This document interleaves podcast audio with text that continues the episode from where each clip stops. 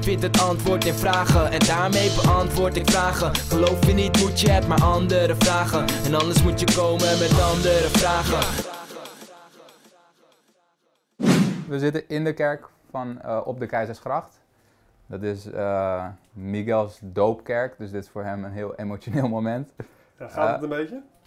Ja, okay. um, waar ik eigenlijk mee zou willen beginnen is de origin story van We Digital. Je bent van, op een zolderkamertje begonnen, nu zit je op de Keizersgracht. Zou je een korte samenvatting kunnen geven van uh, het begin, wat er allemaal is gebeurd en hoe je uiteindelijk op dit punt bent gekomen? Uh, ja, wil je, de korte of de lange versie? Mid middellange? Middellange, ja. ja, ja. Uh, inderdaad, op een, op een zolderkamertje begonnen met, met, met ondernemen. Met een compagnon begonnen met WeDigital. In een, in een heel klein hokje bij IDT, het oude hoofdkantoor van IDT bij, uh, bij Sloterdijk. een hokje van nou, ongeveer deze ruimte, dus het is tegenwoordig een zijkantoortje van ons kantoor. Maar ik denk van 3 bij 3, wat we nog met iemand anders samen huurden. Dus die betaalde de helft van onze, onze 350 euro maandelijks huur. Nou was er gelukkig nooit. En daar begonnen met z'n tweeën en één stagiair om, uh, om mensen wat verder te gaan helpen op, op social media, met name bedrijven. In eerste instantie veel advertising gedaan. Dat deed ik vanuit mijn vorige werkgever. en al snel een beetje tot de conclusie gekomen van oké, advertising is één ding op Facebook. Maar laten we ons eens op content gaan richten, kunnen we meer creativiteit in kwijt. En het is wat universeler, content marketing. Toen was net Google Plus begon, nog de vraagtekens, oké, gaat Google Plus groter worden dan Facebook? Werd met een hoop bombarie aangekondigd. Nee. Uh, nee, kunnen we nu wel zeggen. Ehm, maar eigenlijk vanaf dat punt zijn we ons op content gaan richten. Uh, op Facebook. nou, nog steeds is 80% wel Facebook. En eigenlijk steeds meer richting een creatief bureau gegroeid wat we nu zijn. We hebben daar ik denk de eerste twee jaar gezeten op dat, op dat kleine kamertje. Toen werden we op een gegeven moment gebeld door Woedend, een creatief bureau. Die, die nog wat ruimte over en die hadden nog wel wat behoefte aan wat, wat, wat social media skills bij hun op de werkvloer. Ehm, dus we hebben bij hun op een kantoor een stukje ruimte gehuurd op de, op de Spuistraat. Dat was boven in het Magna Plaza, super toffe plek. dus toen voor het eerst een beetje geproefd van het centrum van Amsterdam in de kantoor. Nou, dat gaf zoveel energie. Uh, toen we daar uiteindelijk vertrokken, dachten we: oké, daar, moeten we, moeten we binnen blijven. Uh, via via kwam de kerk op ons pad, uh, bijna twee jaar geleden. Dus daar, daar, zitten we nu met een hoop plezier, met inmiddels een leuke club mensen, mooie social media content, maar ook steeds meer op de, op de reclamebureaustoel. maar alles wel met een, met een digitale social media achtergrond. Is het ook een beetje um, het doel om uiteindelijk echt een reclamebureau te worden? nee, Nee. Uh, ja, ik, ik geloof niet meer zo in de, in de traditionele vorm van een reclamebureau of van een videobureau. Ik, dit is wel de tijd dat dat allemaal samenkomt. Uh, natuurlijk, je hebt gespecialiseerde conversiebureaus of videoproductiemaatschappijen. ik zie ons nog een beetje het liefst die middenweg bewandelen. We creatief genoeg zijn dat je ook een reclamecampagne zou kunnen doen. maar ook een hele conversiegerichte campagne, wat echt alles met data te maken heeft. Dus het is ik heb er nog niet echt een naam voor gevonden. We zijn nu een, een social media bureau. Uh, we zijn wel eens een online marketing bureau met de focus op social geweest. We zijn een nieuw media marketing agency geweest. Het ligt een beetje in de middenweg. Het is nu, focussen we nu wel op, op social. Dat is 80% van de tijd besteden we daaraan. maar we houden ook van om, om breder te kijken dan, dan dat. Want het heeft allemaal zoveel raakvlakken met elkaar. Video, social, conversies, data. Het is het is niet meer in één, uh, in één vakje te duwen tegenwoordig. En is het voor jou dan altijd vanzelfsprekend geweest dat je je eigen onderneming zou beginnen? Zit dat in de familie? Heb je dat van iemand meegekregen? Of was het gewoon, op een gegeven moment moest je dat gewoon doen? Uh, ja, ik ben wel altijd ondernemend geweest. Um, op wat voor manier? Altijd dingetjes organiseren daarnaast, feestjes organiseren. Uh, meer in de, in de, in de privésfeer. Uh, maar ook in de vriendengroepen, degene die altijd het uitje regelde of gewoon weg wilde gaan of iets. Ja, een ondernemend karakter, maar niet zozeer dat ik op mijn, op mijn zestiende al mijn eigen imperium ergens in had opgebouwd. Ik ben wel eerst gewoon netjes de, de studie afgerond. een paar keer in het buitenland gewerkt en gewoond. wel altijd van het ontdekken geweest. En op een gegeven moment dat ik een fulltime job had, wist ik wel al van dit ga ik niet altijd, altijd op deze manier blijven doorzetten. Ik vind het mooi om op een gegeven moment mijn, mijn eigen draai ergens aan te geven en mijn eigen spel te spelen. En wat, eh, wat heb je gestudeerd en wat, waar ging je uiteindelijk werken? En wat voor functie? Eh, commerciële economie gestudeerd een opleiding dat je van een heleboel iets weet en van, van niets heel veel. Uh, en toen ben ik bij Mindshare gekomen, mediabureau, eigenlijk als, als, online planner. Dus de, uh, nou Ford was een klant van ons en daar eh, toen de tijd nog kijken wij de budgetten wegzetten, was dat op Hives of op nu.nl en daar een mooi mediaplan van maken. vervolgens in de mobile marketing terechtgekomen. 2000 10, 9 was dat een beetje. Dat zou het jaar van mobiel worden. Eh, het zou het elk jaar worden, het is het nooit gebeurd. Eh, uiteindelijk is het ook dat steeds meer samengekomen tot een, eh, tot een groot online geheel waarin mobiel een rol speelt. En social ook. En social en mobiel weer naadloos samengaan. Maar eigenlijk vanaf het mobile marketing stuk in de social media gerold bij Bongiorno Digital was dat toen de tijd. Ehm, nou, vanuit daar zijn we op een gegeven moment We Digital begonnen. En eh, onze opperbaas Jelle, die, eh, die is ook ooit begonnen met Hives video's en zo. Ja, Eh, hoe was het voor jou om uiteindelijk te merken dat Hives ook gewoon ophield te bestaan? Het was eerst mega populair. ja toch wel jammer. Ja, Toch jammer. Het was, het was voor mij in 2009 dat ik Facebook installeerde, een account aanmaakte. Ook met het idee, voor mij is mijn eerste Facebook-update letterlijk eh, eens kijken hoe Facebook-advertenties werken. Eh, als je helemaal terugscrollt in mijn tijdlijn, dan zie je dat. Eh, maar Hive was toen wel echt, echt het ding. En vooral ook als, ook als marketeer vond ik het zonde dat Hive wegging. Want Hive is een Nederlands bureau, je had mensen die je kon bellen. En toen kwam in één keer het grote Facebook, wat onbereikbaar was. Alles moest in een stramien bij Hives. Als je, als je maar genoeg geld neerlegt, en dan kon je, kon je slingers ophangen op de homepage, weet je wel. Dus dat was, er ging ook een stukje creativiteit verloren. Dat je van Hives naar Facebook, eh, dat je van Hives naar Facebook ging. Wa- wat denk je dat de reden was waarom eh Hives het niet heeft gered? Ehm, toch de massa, denk ik op een gegeven moment, die naar Facebook gaat. Voor mij, iedereen die gaat vanaf zijn achttiende al, eh, al reizen. Voor mij, dat ik het deed, was ik 18, toen was ik nog een beetje uniek. Er waren er drie in de klas die het deden. Als ik nu om me heen kijk en hoor, gaat volgens mij bijna iedereen is voor zijn, voor zijn 25 al drie keer in Thailand geweest, eh, twee keer naar Zuid-Afrika en heeft, eh, eh, heeft minimaal een keer een, een jungle tour gedaan in, in Bangkok. Nou, dat kan niet trouwens. Maar je snapt wat ik bedoel. Ja, En ja, veel internationale vrienden. En dat is toch, ja, de globalisering wil je wel iedereen, iedereen dichtbij houden. En niet alleen een Nederlandse clubje vrienden. Dus ik denk dat dat, dat, dat het begin geweest is. En qua functies, ja, leek het in het begin op elkaar. Maar Ja. ik denk dat dat wel echt het, het grote verschil geweest is. Dat het internationale was. En dat je gewoon een grote groep mensen om je heen kan verzamelen. ja. Blijft jammer. Blijft Ja, jammer. ja, zeker. En ehm, dan op een gegeven moment kwam Snapchat heel erg snel op. Het werd in één keer heel populair. Ehm, Ja. Nu zie je toch dat het steeds minder vaak wordt gebruikt. Eh, of is dat helemaal niet zo? Ja, dus zij, ja, dit komt in onderzoeken naar voren. Dat Mhm. inderdaad, dat, dat de Instagram stories Snapchat gaan verslaan. Ehm, ik ben er nog niet zo van overtuigd. Het is, er wordt goed aan de, aan de, aan de, stoelpoten van, van Snapchat gezaagd. Dat klopt.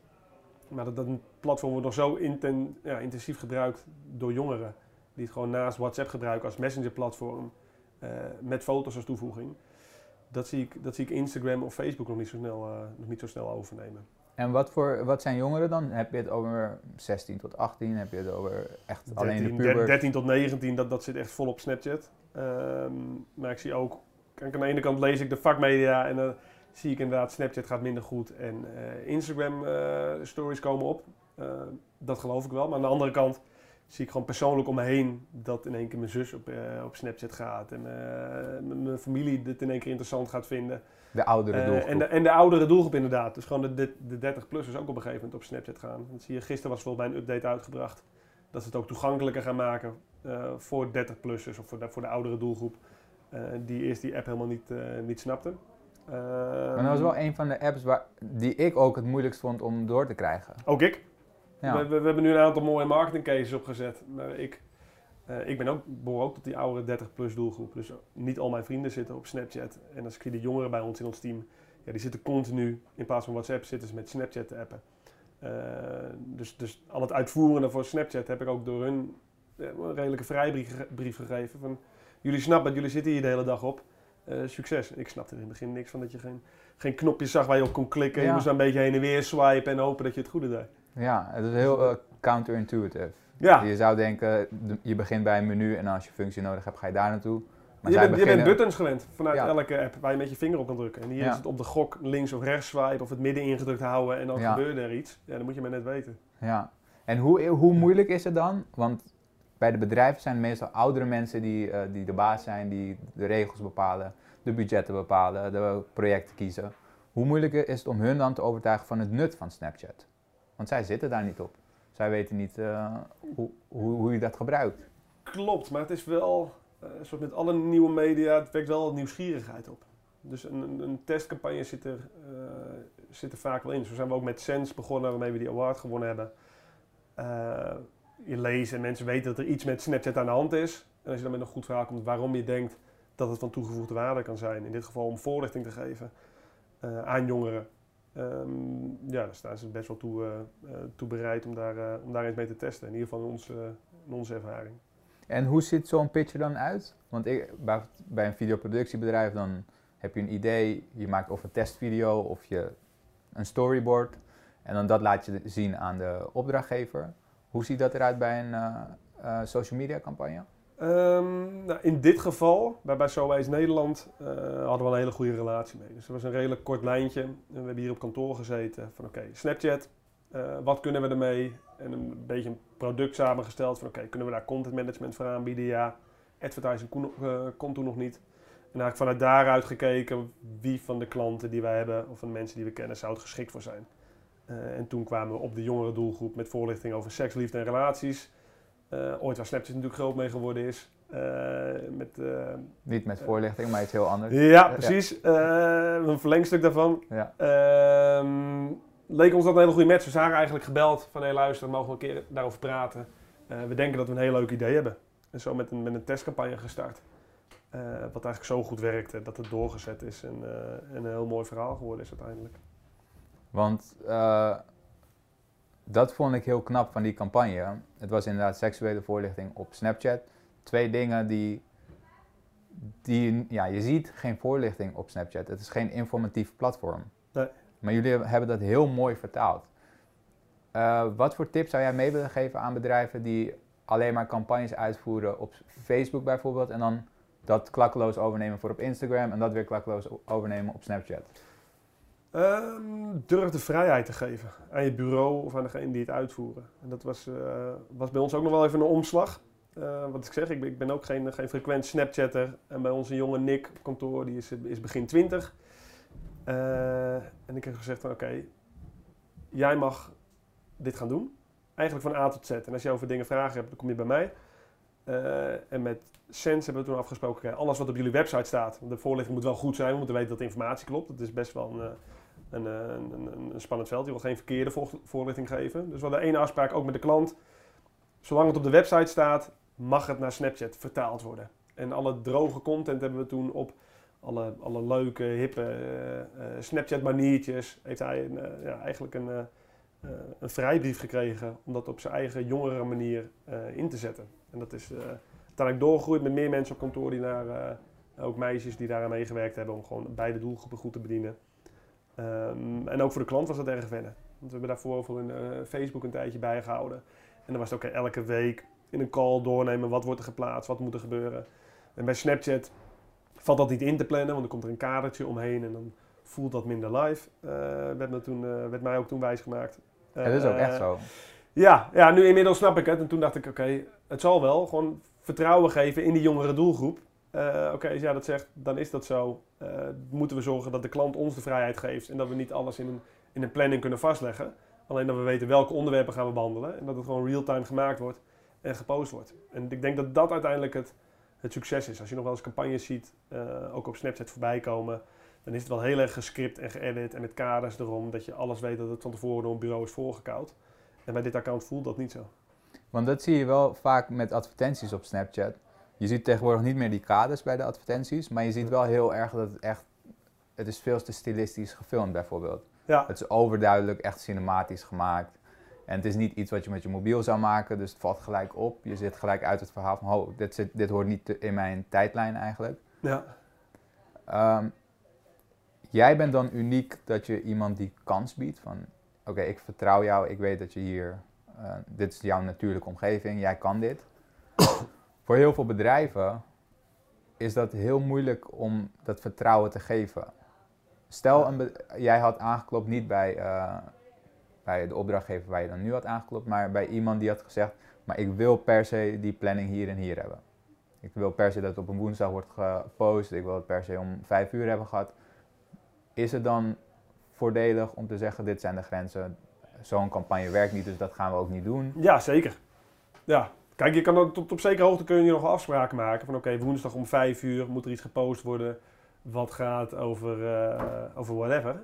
Eh, dat kan je bepalen. En misschien ook nog wel een beetje hoe het eruit kan komen te zien. Ehm, maar wij willen wel succesvolle campagnes maken. Dus het moet wel volgens onze regels, als wij denken van oké, op deze manier gaat het werken. En als je alles gescript doet, dan gaat het niet werken. Eh, ja, ook al, ook al zou het een leuke opdracht zijn, gaan we ons niet committeren aan hetgeen wat niet gaat werken. Eh, we ons ja, succes in eigen hand houden in die zin. Dat is wel. En, en zou je dan trouwens ook het. eh, we hebben het nu de hele tijd over Sense Info gehad. Maar zou je willen uitleggen hoe dat er dan op Snapchat uitzag? Want het was heel veel, eh, er werd heel veel gebruik gemaakt van emoticons in plaats Ja. van alleen tekst. Ja. Dingen werden uitgebeeld, bewegende plaatjes. Ja, ehm, nou eigenlijk precies dat. Er werd heel veel met emojis werd er, werd er gewerkt. Eigenlijk de, de, standaard, de standaard stickers die in Snapchat zitten, die jongeren veel gebruiken. Daar werd het verhaal mee verteld. En dan krijg je ja, een, een voorbeeldje, waar, een, persik en aubergine is in één keer veel beeldender en veel grappiger en veel, veel content dan wanneer je het zou gaan uitschrijven. Eh, terwijl je precies hetzelfde vertelt. Maar dat, een klein voorbeeldje hoe dat in zijn werk gaat. Eh, maar voor, voor een eh, andere opdrachtgever waar we vanaf 2018 mee gaan starten, hebben we besloten van oké, daar gaan we ook Snapchat content voor beheren. Eh, ongeveer dezelfde doelgroep. Eh, voorlichting over, over, over drank dan in dat geval. Ehm, we willen niet precies hetzelfde doen. We hebben besloten om een hele eigen sticker set te maken. Dus daar is onze designer nu mee bezig met met honderd verschillende props en karikaturen. eh, dat de Snapchat content beheerder daar gewoon uit kan plukken. En met een hele eigen stijl het verhaal kan vertellen. Maar wel echt puur voor het, voor het platform gemaakt. En niet, een, eh, en niet een standaard video wat over drie netwerken wordt weggezet. Want dat werkt volgens mij niet. Zijn er nog andere bedrijven die Snapchat echt heel goed doen? Ehm, ja, je ziet een aantal, aantal uitgevers. Je ziet de eh, NOS deed het een, eh, deed het een tijdje leuk. Eh, BNN, een beetje de jongere clubs die het ook makkelijk achter de schermen kunnen gaan, kunnen gaan filmen. Waar al een stukje productie in de, ja, in de DNA zit. Eh, andere klanten zie je vaak dat het toch wat meer, meer gescript. Een Fanta zag ik laatst iets voorbij komen. Ja, een hele, hele gescripte video. Eh, ja, dat, dat werkt dus niet. Je moet het wel echt gewoon eh, geschikt maken voor het platform. Wat is voor jou dan een droom, misschien een droomcampagne die je op Snapchat uit zou mogen voeren? Goeie vraag. Want wat ik heel erg heb, als ik denk aan Snapchat, ik zou het heel erg tof vinden als een voetbalclub eh, Snapchat voor in de kleedkamer. Zeg maar korte filmpjes wat er gebeurt in de kleedkamer. Ja, nou, Ajax doet dat al een beetje. Ja. Eh, die met, met die spectacles. eh, kijk, ik, ik vind het leuk om, om, om nieuwe, unieke dingen te doen. Dus in dat geval zo'n campagne met die spectacles, dat je echt unieke beelden achter de schermen kan laten zien. Dat is mooi, maar dat wordt nu al gedaan, dus het Hm. is nu niet meer mijn droomcampagne. Dus ik, ik heb hem niet zo 1, 2, 3, eh, niet 1, 2, 3 voor me. Ja, gewoon een, een uniek gevoel neerzetten met iets wat nog niet eerder gedaan is. Is er een Nee, een beetje bedrijf, eh, is er een bedrijf waarvan jij denkt, dat zou echt perfect zijn voor Snapchat? Dat is een bedrijf dat moet op Snapchat zitten en die doen daar nog helemaal niks mee. Ehm, nou ja, er zijn, er zijn een heleboel te noemen. Alle bedrijven die zich op jongeren richten. eh, die ook het gesprek durven aan te gaan met jongeren. Ehm, dat is het ook vooral, weet je. Dat is bij, eh, bij Snapchat of bij, eh, ja, bij Sense op Snapchat komen een heleboel best wel persoonlijke vragen van jongeren die we, die we zien verschijnen aan de hand van de content. Ja, dan zie je, dat is wel een, een medium, het voelt meteen heel erg één op één contact. In plaats van dat je op Facebook hebt en je hebt een. eh, eh, Facebook werkt ook nog steeds hartstikke goed. Maar als je daar een post hebt, dan is het een klein onderdeel in je nieuwsfeed. Bij Snapchat is het meteen in your face, je kunt er niet omheen. Dus je, het is een heel mooie mogelijkheid om direct het contact aan te gaan met je doelgroep. Eh, en ik denk dat dat niet per se één bedrijf is die dat zou moeten doen. Er zijn tal van geschikte bedrijven voor. Ja, ik, ik zit dan altijd te denken aan de eh, depressielijn bijvoorbeeld. Ik weet niet hoe dat precies heet, maar dat als je je depressief voelt of je hebt suïcidale gedachten, dan kan je een telefoonnummer bellen. Ja, Maar het is misschien nog wel confronterender als je een direct videogesprek hebt met iemand en persoonlijker. En je hebt Ja, bepaalde ja. cues die je niet nou over goed, dat, dat zijn inderdaad, weet je, de, qua, qua voorlichting en maatschappelijke thema's eh, kan dat heel goed werken. Dus dat ook, ja, van- of de kindertelefoon of eh, ehm, dat soort zaken. Dat, eh, ik denk dat het daar heel geschikt voor is. Ehm, maar goed, ja, het, kan, het, het kan ook een commerciële boodschap zijn. Weet je, dat, het hoeft niet per se allemaal in, het, eh, in de hulpverleninghoek of in de voorlichtingshoek te zitten. Het kan ook, eh, ja, je, je kan ook, zoals Ajax, dat is gewoon toch wel een commercieel stukje, stukje content wat, wat niet zo voelt. Wat gewoon heel mooi achter de schermen is gefilmd. En wat ja, een uniek kijkje geeft binnen, binnen zo'n voetbalclub. Dus dat is, eh, eh, ja, het, is- het is niet in één, in, één, eh, in één onderwerp te vatten. Dat is waar. En dan met een ander platform waar, waar het niet zo heel goed mee gaat, is Twitter. Ja. Heb, ben jij ooit, eh, want dat is met de oudere generatie, die voelde zich wat eh, natuurlijker op Twitter, die, dat is wat vertrouwder. Ja. Heb jij dat ook gehad, dat Twitter voor jou makkelijker ging dan andere platforms? En wa- wat vind je dan van de decline van Twitter? Ehm, ja, ik denk dat je, dat je altijd wel een, een decline binnen netwerken kunt krijgen, kunt zien. Het is bij- bij elk netwerk wat nu populair is, nou, ik denk met uitzondering van, van Instagram zijn die verhalen wel geweest. Bij Facebook wordt minder gepost, mensen posten zelf minder. Maar er zijn wel teruglopen. steeds, volgens mij is er een groei in actieve gebruikers. In binnen dat- Facebook. Ja, Ja, maar je hebt wel. eh, ik denk dat het twee of drie jaar geleden gingen jongeren zaten minder op Facebook. Hè? Dan was dat in één keer het grote nieuws. Eh, Instagram, nou, dat is altijd wel een beetje, een beetje goed door blijven lopen. Op Snapchat heb je nu dat verhaal. Nou, Google Plus, laten we het daar maar niet over hebben. Eh, en Twitter heb je dat ook. Maar ik denk dat er wel een, een groep hele frequente gebruikers zit. Die het wel zal blijven gebruiken. Ik zie niet 1, 2, 3 echt helemaal ten ziele gaan. Eh, rondom, ja, vooral, vooral rondom live content eh, werkt Twitter nog steeds beter dan, dan andere media. Als jij een, eh, als het is vandaag donderdag, als morgen de Voice of Holland is en we weten wat de mening is van mensen over dat programma, dan gaan mensen die hashtag volgen met, met een iPadje op de bank en dan gaan ze lekker meelezen wat iedereen erover te vertellen heeft of zelf tweeten. En dat stukje biedt nog geen enkel van die andere netwerken. Dus ik, eh, eh, ja, het loopt terug. Dat is zonde. En ik heb er zelf ook, eh, ben er op, op, op actief, actiever geweest dan dat ik nu ben. Ehm, met posten. Maar ik gebruik het wel heel veel om gewoon nog zelf te kijken wat er, wat er gebeurt rondom tv-programma's of live evenementen of, of live nieuws. Is het dan ook nog nuttig voor bedrijven? Want ik snap het nut inderdaad voor de mensen. Als je gewoon meningen van mensen wil weten, je wil weten wat een beetje leeft onder de bevolking. Ja. Eh, bestaat er ook nog echt een nut voor bedrijven? Dus Zoals een advertentiecampagne die je op Facebook wel zou kunnen doen. Eh, Ja, het interessante verschil met eh, adverteren, in dit geval op Facebook of Snapchat. Op Facebook, Facebook weet natuurlijk alles van iedereen. Of in ieder geval een heleboel. Dus je interessegebieden. Eh, eh, ik kan target op jou als je een, of je een lange afstandsrelatie hebt. Want je hebt een relatie met eh, een poppetje B. Die woont in New York en jij woont in Amsterdam. Kan ik jou een ticket laten zien van New York, Amsterdam. Eh, op Twitter is er minder data beschikbaar, wat dat betreft. Dus daar kan je minder op targeten. Maar kan je wel veel meer op het gesprek gaan zitten. Ehm, dus op het moment dat er...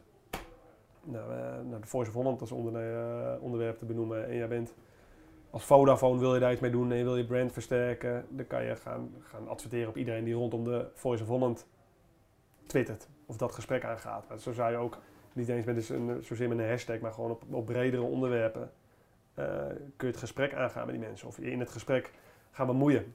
eh, door gewoon een gesponsorde tweet ertussen te laten zien. Dus het is iets meer contextuele targeting dan echt de harde demografische targeting, wat wat op Facebook nog steeds het meest populair is. En hoe zou je dan eh, Twitter als gewoon bekend persoon bijvoorbeeld succesvol kunnen gebruiken? Wat zou je moeten doen om, ehm, stel ik ben een acteur en ik wil mijn eigen persoonlijkheid wil ik goed neerzetten. Hoe kan ik dan Twitter het beste gebruiken?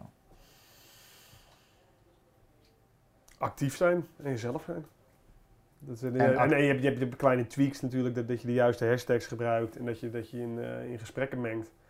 Ehm, kijk, er is, is niet één recept van, oké, ik wil bekend worden, dus ik volg dit pad en ik ben bekend. Maar als je eh, de kwaliteit hebt om bekend te worden, moet je zorgen dat je gezien wordt.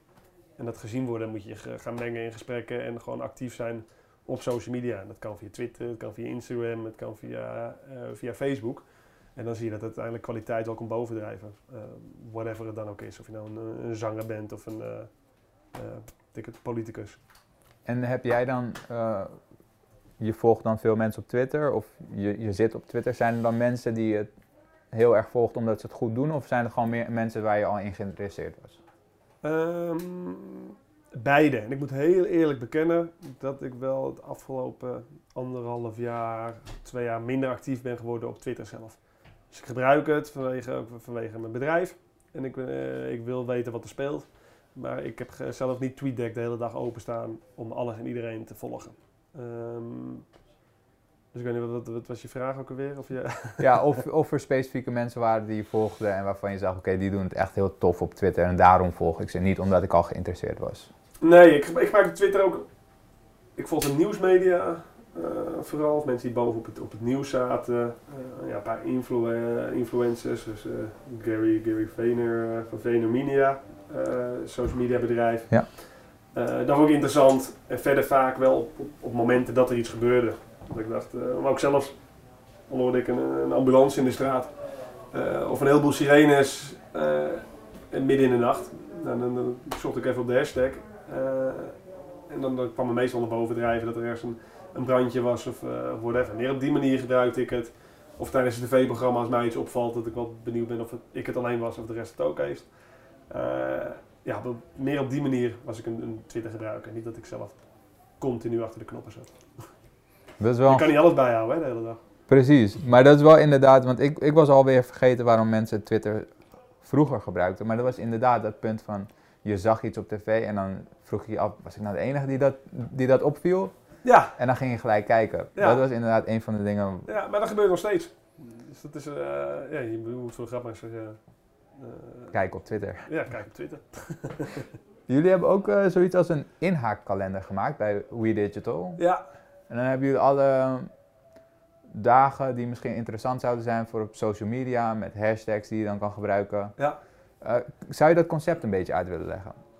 Ehm, het is eigenlijk heel simpel. We, we- onze website wilden we ooit, eh, wilden ooit een beetje gaan opleuken met, met, met meer informatie delen. Een aantal jaar geleden.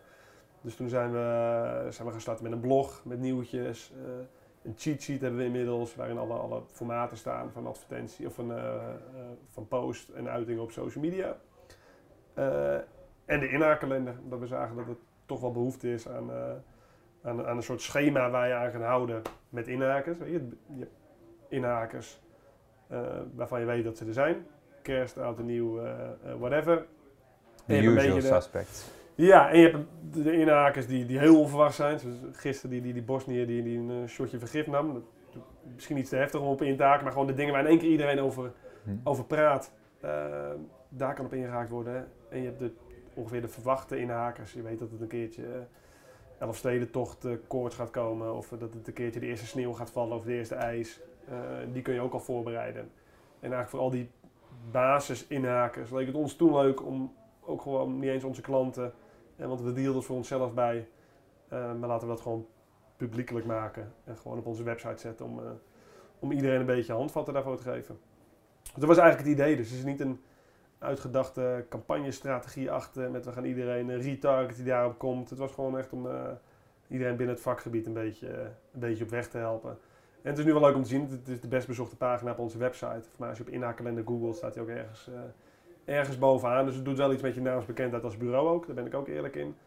Um, maar het idee is ontstaan om gewoon wat mensen, uh, de, de, dingen die wij al hebben, gewoon op onze website te zetten. Een stukje transparantie en, uh, kennis delen. En, en, kennis te delen. Ja. En is het dan is het nodig voor een video om viral te gaan voordat je kan zeggen: oké, okay, dat was een succesvolle video of dat was een succesvolle campagne? Nee. En waarom niet dan? Het hangt van je doel af. Kijk, als jij, als jij heel veel bereik wil, dan kan het noodzakelijk zijn om, om viral te gaan. Maar als jij uh, eh, heel veel bereik wil met, met, met een hele commerciële boodschap, ja, dan moet je ook niet verwachten dat die viral gaat. Dan kan je dat ook met advertising kun je dat, eh, eh, kun je dat inkopen. Dus dat is wel echt, ja, het hangt heel erg van je, van van je doel, van je, van je video af. Al wil je veel bereik met weinig budget, dan is het handig als je viral gaat. En dan kun je, spraak, eh, kun je spreken van een succesvolle video. Maar dat, dat- lang niet alles gaat, gaat viral. Dat is, eh, er worden video's veel doorgestuurd en veel bekeken, maar geloof mij dat driekwart van daarvan, da- daarvan gewoon advertising achter zit. In ieder geval van de commerciële partijen. Dus dat... eh, Jij hebt wel een viral video gehad. ja, Dat was de iPhone 5 die eh, eh, aan de grond plakte. Ja. De eerste iPhone 5. Zou je een beetje willen vertellen hoe dat tot, eh, tot stand kwam? Hoe jullie dat bedacht hebben, uitgevoerd? Eh, ja, maar ja, het was een leuk verhaal. Ik, ik was toen nog niet met WeDigital begonnen. Ik werkte toen nog voor een werkgever. En samen met mijn broer hadden we de website iPhone5.nl. En, eh, en ook iPhone6.nl en hoesje.nl. We zaten een beetje in die hoek. met mooie domeinnamen. En iPhone 5.nl werd heel goed bezocht. Door die gigantische hype die toen om de iPhone 5 was. En we dachten, nou, daar, daar moeten we wel iets mee. En ik was toen een keertje op, in China, of in China, eh, online in China. op alibaba.com en toen zag ik een dummy van de iPhone 5. En die, heb ik toen besteld. En eh, ja, eigenlijk ook ja, een beetje op de gok eh, vastgeplakt. Weet je, niet, niet precies weten welke lijn, gewoon vastgeplakt. We gaan filmen en we zien wel wat er gebeurt. En die reacties die hebben we, nou, die hebben we geëdit tot een klein videootje. En wel redelijk slim op de dag van de release, of de dag voor de release, hebben we die, eh, eh, die live laten gaan. We hebben een klein persberichtje samengesteld, die hebben we uitgestuurd. En toen zag je dat het in één keer als een sneeuwbal ging, eh, rollen. Die, die video is inmiddels denk ik 3,5 miljoen keer bekeken. Hij was op eh, tv gekomen, zelfs op CNN geweest. Ehm, maar ook alle, alle media, die, die pakten het over elkaar. Dat was wel grappig om te zien. Ook daarna een learning.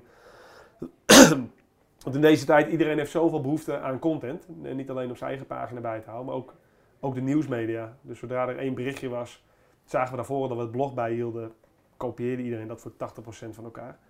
Ehm, dus toen onze video op een gegeven moment op de paar grotere websites, op, Mashable en de, Next Web werd, eh, werd gedeeld, zagen we ook nu.nl en het AD en alles en de Telegraaf erachteraan rollen met iPhone 5 komt niet van de grond in Amsterdam en dat soort, eh, en dat soort krantenkoppen.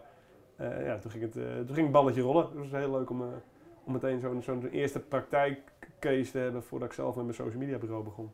Want eigenlijk is het dan best wel bijzonder dat zodra je één eh, nieuwsplatform te pakken hebt, dus stel je hebt nu.nl eh, te pakken, dat het dan heel snel kan gaan. Want dan, Ja, ja dit is heel geks om, om te zien. Maar dat zie je bij... eh, nou, toen, wij, wij hielden dat blog toen bij van iPhone5.nl met alle nieuwsberichten over, over de iPhone en alle geruchten.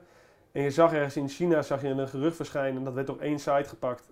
En dan google je natuurlijk even wat wordt er allemaal over geschreven. En dan zie je gewoon 20 websites eh, voor 80% hetzelfde bericht kopiëren. Eh, dat is ook een beetje dan hoe fake news ontstaat. Ja. Omdat er niet echt meer, er is geen eh, fact-check aan vooraf Nee, gegaan. nou, zeker in het geval met die iPhone toen. Dat was, er waren alleen maar geruchten van, vanuit betrouwbare bron is er vernomen dat, eh, weet je, in sommige dingen liet Apple een beetje lekker, maar er kon niks geverifieerd worden. En toch stonden alle kanten eh, en, en, en alle nieuwsmedia ermee vol. Dus dat is denk ik wel het voorbeeld van, eh, van niet geverifieerd nieuws. En hoe makkelijk dat kan gaan. Ja. Eh, vind je dat jammer of is dat gewoon hoe het nu is, dus dan moeten we vrede mee hebben? Of kunnen we daar ook iets tegen doen? Ehm, nee, je moet je er be- bewust van zijn, vooral. Als, als, als consument, maar ook als, ook als adverteerder moet je er ook bewust van zijn. Dat je het ook niet altijd kan sturen. Dat was een, het jaar daarna, of nou, twee jaar daarna dat we die viral hadden gehad. Stond ik eigenlijk te boek als, als, als iPhone-grapjas of als, als, als iPhone-fanboy. Eh, en terwijl ik niet eens dat dat zo extreem was. Maar toen werd ik gebeld door SBSS. eh, van hey, de, iPhone 6 komt uit, gaan jullie nog wat doen? Oké, dus ik had gezegd, ja, ja, wij gaan wat doen. Goed, nog geen idee wat. Maar ik denk, ja, het is goed, dat is aandacht voor die website. Dus we moesten nog iets bedenken. En we hadden weer zo'n dummy. Ik denk, ja, we gaan niet weer precies hetzelfde doen. Maar zij wilde die prank filmen. Eh, ze hadden een interview voor de rij op de dag van die release. Dus we stonden bij de, eh, nou, op het Leidseplein. En ik stond met die iPhone in mijn hand. Ik had ondertussen, had ik een paar dagen van tevoren, had ik nog steeds geen goed idee. Dus ik, ik had toen mijn zwager gevraagd of hij, eh, of hij die iPhone uit mijn handen wilde jatten tijdens het interview. Dus die had, die had een scootertje. En eh, tijdens dit interview stond ik met die telefoon in mijn hand. En eh, ik ben geen acteur, dus dat zie je als je terugkijkt, zie je het ook nog wel. En hij rost langs op zijn scooter en hij pakt die iPhone. En ik ren er nog zo achteraan. En we hadden niks aan die gasten verteld die ons interviewden. Die zei, wat, wat is dit gebeurd? En ik zeg, ja, zag je dat? Hij wordt gewoon naar mijn handen geritst. Nou, goed. Dus zo hadden we een soort nieuwe prank eh, Ja. hadden we opgezet. Eh, dat was heel leuk. En we, uiteindelijk een van die gasten hadden we het verteld. Van die, eh, die interviewer hadden we het verteld achteraf. En die cameraman nog steeds niet. En het was ook bij, bij Hart van Nederland was het, was het gekomen. Maar het was op de website van Hart van Nederland ook meteen geplaatst. Een scootertuig steelt iPhone uit tijdens interview. Eh, dus dat ging viraal. Begon een beetje te lopen. Er werd her en der opgepakt. Maar ik denk dat mensen ook, ook al mijn acteerskill zagen dat het misschien niet heel best was. Eh, dus op een gegeven moment had iemand, eh, had iemand de politie gebeld van oké, is er aangifte gedaan of niet? Iemand had gefactcheckt. Ja, ja. Ja. En dat was niet zo. En toen veranderde in één keer één, eh één nieuwspoorter, volgens mij was het AT5, die veranderde eh, zijn krantenkop. SBS zet roof in scène om kijkers te trekken. En toen werd in één keer dat berichtje opgepakt en dat bericht ging viraal. Dus zag je op alle nieuwsmedia zag je dat stukje staan. Nou ja, dat is ook wel een voorbeeldje, maar je moet ook heel voorzichtig mee zijn, want je, je kunt het niet helemaal sturen. Dus uiteindelijk, het was geen campagne voor SBS, het was, het was ons dingetje, ons feestje, maar eh, het laat wel heel mooi zien dat, dat die viraliteit op alle manieren kan gaan. En misschien is het ook niet fijn voor jou uiteindelijk om bekend te staan als die man die alleen maar video's maakt om viraal te gaan. Of om... Ehm, om zoveel nou ja, het, kan, het, het zijn leuke verhalen om tussendoor te vertellen, maar het is niet, niet eh, ik ben geen videomaker. Ehm dus het is niet waar ik iets in, eh, ik wil ook niet de fan zijn als de, de iPhone fanboy of de, de Precies. iPhone, voor mij als je nu op mijn naam googelt staat er eh ergens bovenaan iPhone videograpjas slaat weer toe of zo. ja goed, Eh, ik deal er wel mee, maar het is niet iets waar ik me per se eh mijn PR op wil richten. Juist, ja. Ja, Ik vind dat wel, het is wel mooi uitgelegd, want ik had er nooit op die manier over nagedacht. Van je, je kan het wel doen, maar zodra het misgaat, kan het dan ook echt heel erg misgaan. Je Ja. kan de plank heel erg misslaan. ja. En dan sta je opeens niet alleen met lege handen, je staat dan met de verkeerde dingen in je hand. En Ja, dan- nou ja, er zijn tal van voorbeelden natuurlijk van, Ja. van missers. Van de Treintje Oosterhuis, die, wat was het toen, een euro per like eh, eh, beloofde om te doneren aan een goed doel. Dat is ook weer een aantal jaar geleden. Mhm. Wat toen keihard viraal ging. En die zich ook niet had beseft van wat dat, eh wat dat teweeg bracht. Die had op een gegeven moment eh, een miljoen likes of zo. Oh ja, ja, En dat, eh, volgens mij is hij niet gestort uiteindelijk. dat was heel pijnlijk inderdaad. Ja, dus dat is. eh de schade en schande eh, worden mensen wel wijs uiteindelijk. Eh, maar ook als je wel dus viraal wil gaan, ja, moet je ook wel heel, eh, heel goed over nagedacht hebben hoe je, het, eh, hoe je het wil gaan inzetten. En dat toen met die iPhone was toen een, een redelijke spontane actie. En voor ons konden ja, we hadden niet- ook niet zoveel te verliezen. Eh, maar goed, voor een SBS eh, kan ik me voorstellen dat ze uiteindelijk niet heel, eh, Is niet goed niet, heel erg blij mee waren. Nee. En eh, probeer je dan ook eh, bepaalde bedrijven te temperen in hun eh, ambities op dat vlak? Stel, ze, willen een hele ze hebben een hele ambitieus plan en ze willen ehm, bijvoorbeeld wat Treintje Oosterhuis dan had met die likes. Dat is op zich een heel tof plan Ja. en het is heel ambitieus. Zou je dan ook als eh, bureau willen zeggen van dit is dan wel het gevaar wat je loopt? Kan zijn dat iedereen dit oppikt en dat jij straks 2 Ja. miljoen moet Ja, doneren. ja, vooral waar je bij, bij bedrijven nog steeds over moet adviseren. Eh, maar dat zullen jullie als geen ander weten. Eh, die komen met een briefing van ja, we willen een virale video. Ja, ja die, die, die, die kun je niet inkopen. Eh, je kunt een goede video maken die, die aan alle aspecten voldoet om viraal te gaan. De, de, dat is het, de, de, de 5G's die, die je erin verwerkt. En dat, dat het een beetje kort is en deelbaar is. Eh, maar dat wil nog niet zeggen dat het ook gaat werken en dat het viraal gaat. En dat is wel waar we klanten ook, als klanten op een gegeven moment denken, oké, we, hebben een, eh, we hebben meer aandacht nodig, we gaan op social media. Want daar kun je op viraal gaan, daar heb je gratis bereik. Eh, ja, het kan werken, met bepaalde klanten werkt het ook zo. Maar lang niet bij alles is het, ga je gratis de hele wereld over. Zo realistisch moet je ook gewoon zijn. Dus het is een, het is een serieus kanaal met, met serieuze advertising mogelijkheden waar je het op moet, in, eh, waar je het op moet inzetten. Eh, wij zijn dan inderdaad een videoproductiebedrijf. Hoe, hoe kan je je als videoproductiebedrijf het beste onderscheiden op sociale media? Want iedereen maakt filmpjes op sociale media en de meeste zijn ook gewoon niet zo heel goed. Maar Nee. het is alsnog best moeilijk om er bovenuit te steken, om Ja. iets te doen wat opvalt. Ja, hoe doen jullie het nu? We proberen de video's die wij het tofst vinden te delen. Dus als wij iets maken waar we trots op zijn, dan proberen we dat te delen. de plekken waar we komen, dat is best wel bijzonder. Niet iedereen komt op de plekken waar wij komen. Daar, dat proberen we te delen. Ehm, en de tips en tricks ehm, waar wij dan uh, tegenaan zijn gelopen of dingen die wij hebben opgelost, proberen we ook weer te delen. Ja, nou, ik denk dat dat precies dat laatste wat je, uh, wat je zegt, dat dat nog wel het belangrijkste is. Gewoon ervaring opdoen met wat wel en wat niet werkt. Kijk, als, als er drie gouden regels waren waar een video aan moet voldoen, had iedereen het al gedaan. En dan was het, uh, ja, dan was het heel makkelijk geweest. Dat is hetzelfde wat wij doen ook met, met content marketing en met het bijhouden van, van social media kanalen van klanten. Uh, we gaan van start met een strategie, met een idee. En daarnaast ervaring, ervaring, ervaring opdoen. Zodat je op een gegeven moment weet precies wat je, wat je doelgroep leuk vindt en wat ze, wat ze willen. Dus we beginnen met een aantal verhaallijnen. Maar ja, 9 van de 10 keer zien die het einde van het jaar uh, er heel anders uit. Omdat je op basis van je ervaringen gewoon blijft, blijft bijsturen. Dus het is, het is vooral denk ik flexibel zijn heel goed naar die markt luisteren. Dan van tevoren denken, oké, zo en zo gaan we doen. En dan gaan we de wereld veroveren. Dat, dat is maar voor heel weinig weggelegd. En um, wat je online heel veel ziet zijn van die winacties. Dus als je hieraan meedoet, zoveel likes, dan, kan je dan maak je kans hier en hierop. Like, share en win. Precies. Wat is het voordeel daarvan? Wat, uh, wat is de gedachte daarachter? Uh, ja, simpel bereik. Gratis bereik. Uh, wat ik net zeg, je hebt, je hebt, Facebook heeft het algoritme steeds meer afgekneld natuurlijk. Dus je kunt, voorheen als je duizend fans had en je post iets, dan bereikte je duizend mensen. Misschien wel 2000 als je mazzel had. Uh, nu als je duizend fans hebt en je post iets, dan uh, bereik je misschien uh, 50 mensen. Dat is een beetje het, het verschil met hoe het eerst was. En als je een like- en winactie hebt, blijven nog steeds Nederlanders, dan kan, dat, dan kan dat in één keer heel snel gaan. Dan gaan mensen je, je post liken, krijgt hij meer interactie, dus meer bereik. En met share is dan natuurlijk hetzelfde. maar je moet je ook bewust van zijn dat je wel altijd in, het, in, hetzelfde, in groepje zit, in dezelfde vijver zit te vissen. Wij hebben een aantal namen. Ik zal, ik zal ze niet in deze podcast benoemen. Ik, ik zal het straks laten zien aan je. Uh, die zien we gewoon op verschillende pagina's zien we die voorbij komen. Die zien we bij, uh, bij een Belvilla als eerste reageren. maar ook bij een Van der Valk als eerste reageren op een winactie. En die zijn overal zogenaamde grootste fan. Bij Hollanders Nieuwe, we, we wouden al onze winnaars bij in het verleden. gingen we op die naam zoeken van die persoon. Nou, die zagen we dat hij al bij Hollands Nieuwe had een keer een telefoontje gewonnen. En die had ergens anders had ook een keer wat gewonnen. En nu stond ze bij ons meteen op de radar.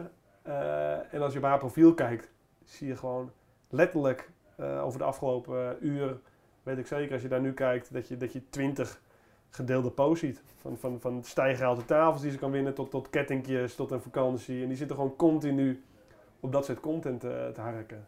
Die wint gewoon haar hele leven bij elkaar eigenlijk. Ja, ze doet een poging, laat ik het zo zeggen.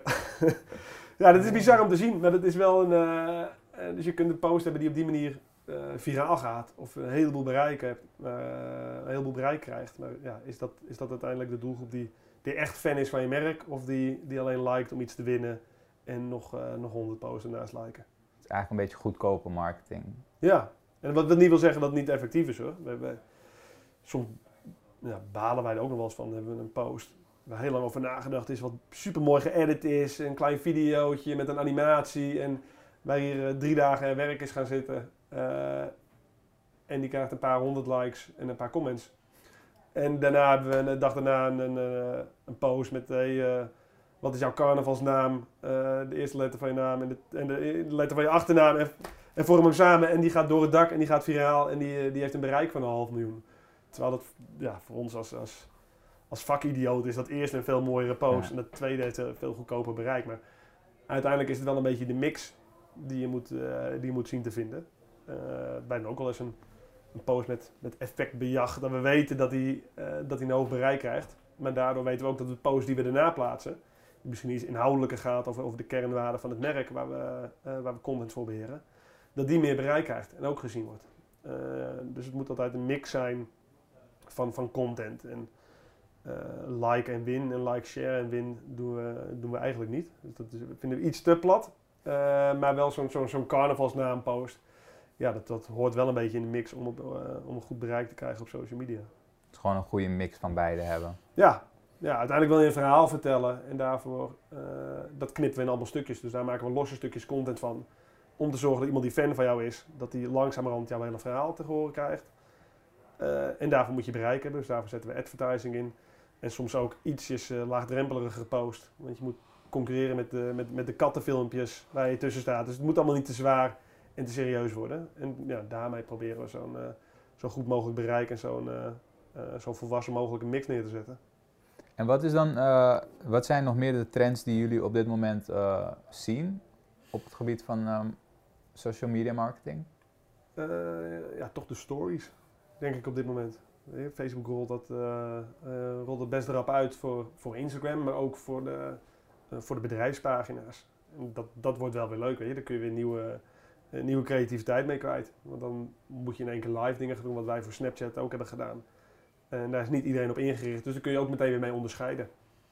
Um, dus ik denk, ja, dat is wel, dat was de trend al van, van 2017, maar ik denk dat dat in 2018 nog wel even door gaat zetten. Gewoon live content en stories van die dag zelf. En uh, waar, hoe moet ik die live content dan zien? Wat voor live content is dan. Um, nou, wat, ik net, wat, wat, ik net zei met, met Snapchat, dat je, dat je niet een, een kadertje eromheen wil, uh, maar dat je het ter plekke maakt, dat dat een andere, andere aanpak vergt.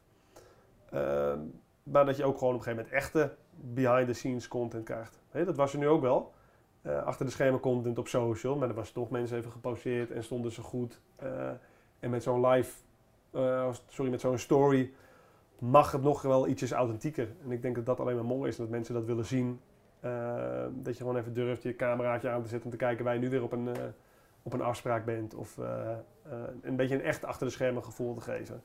Dat is misschien... naar, mijn, naar mijn idee is het toch vaak wel een beetje te veel ge, gescript wat er op social media gebeurt. Dat is misschien voor ons dan ook wel waardevol, omdat we dan, mochten wij op een leuke locatie zijn, is dat heel snel te delen. Ja, ja. en dat, mensen maken het vaak ook te zwaar. Uh, want er zitten er nog drie stakeholders die het allemaal willen zien en het moet over vier lagen goedgekeurd worden. En dat is waar we net ook mee zaten. Als je nou een beetje meer vrijheid geeft, uh, en er kunnen best bepaalde richtlijnen aan zitten met dingen die je wel en niet mag laten zien. Maar binnen die kaders gewoon vrijheid geven om, uh, om te posten. Dan denk ik dat je veel leukere en spontanere content krijgt. Absoluut. En wat, hoe, hoe ziet de toekomst voor We Digital eruit en voor jou specifiek? Um, goed. Lekker positief. ja. Nee, ja, de, de, de, toekomst ziet er mooi uit. We krijgen, uh, uh, we krijgen steeds meer aanvragen zonder dat we zelf echt sales hoeven te doen. Uh, voor, voor, voor content te beheren. Eh, ook voor Snapchat, mede door, door het winnen van die award. Um, voor losse campagnes. Ja, dus daar gaan, we, daar gaan we lekker mee door. En daar proberen we zo creatief en mooi mogelijke cases neer te zetten. En daarnaast focussen we ons, focussen ons steeds meer op de techniek erachter. Dus een beetje kijken of we wat meer met, met, met big data kunnen doen. Uh, eh, 2018 staat er een, een messenger bot op de planning om, om klanten ook daarin te ondersteunen. Dus alle vragen die ze krijgen, dat we al een stukje kunnen, kunnen gaan afhandelen met een messenger bot. Maar wel op een creatieve manier. Nee, er zijn een heleboel leveranciers die, die een soort digitaal keuzemenu maken op, op Facebook Messenger of, of een andere chatbot. Nou, wij willen daar onze onze creatieve campagnelaag overheen gooien. Uh, dus ik denk dat dat, uh, uh, dat de zaken zijn voor de toekomst van WeDigital. Dus buiten de leuke mooie dingen die we doen, iets meer techniek als onderlaag erbij te gaan zetten. Tof man. Mag ik je bedanken? Ja, hey, jou ook bedankt. Was een goed gesprek. Dankjewel.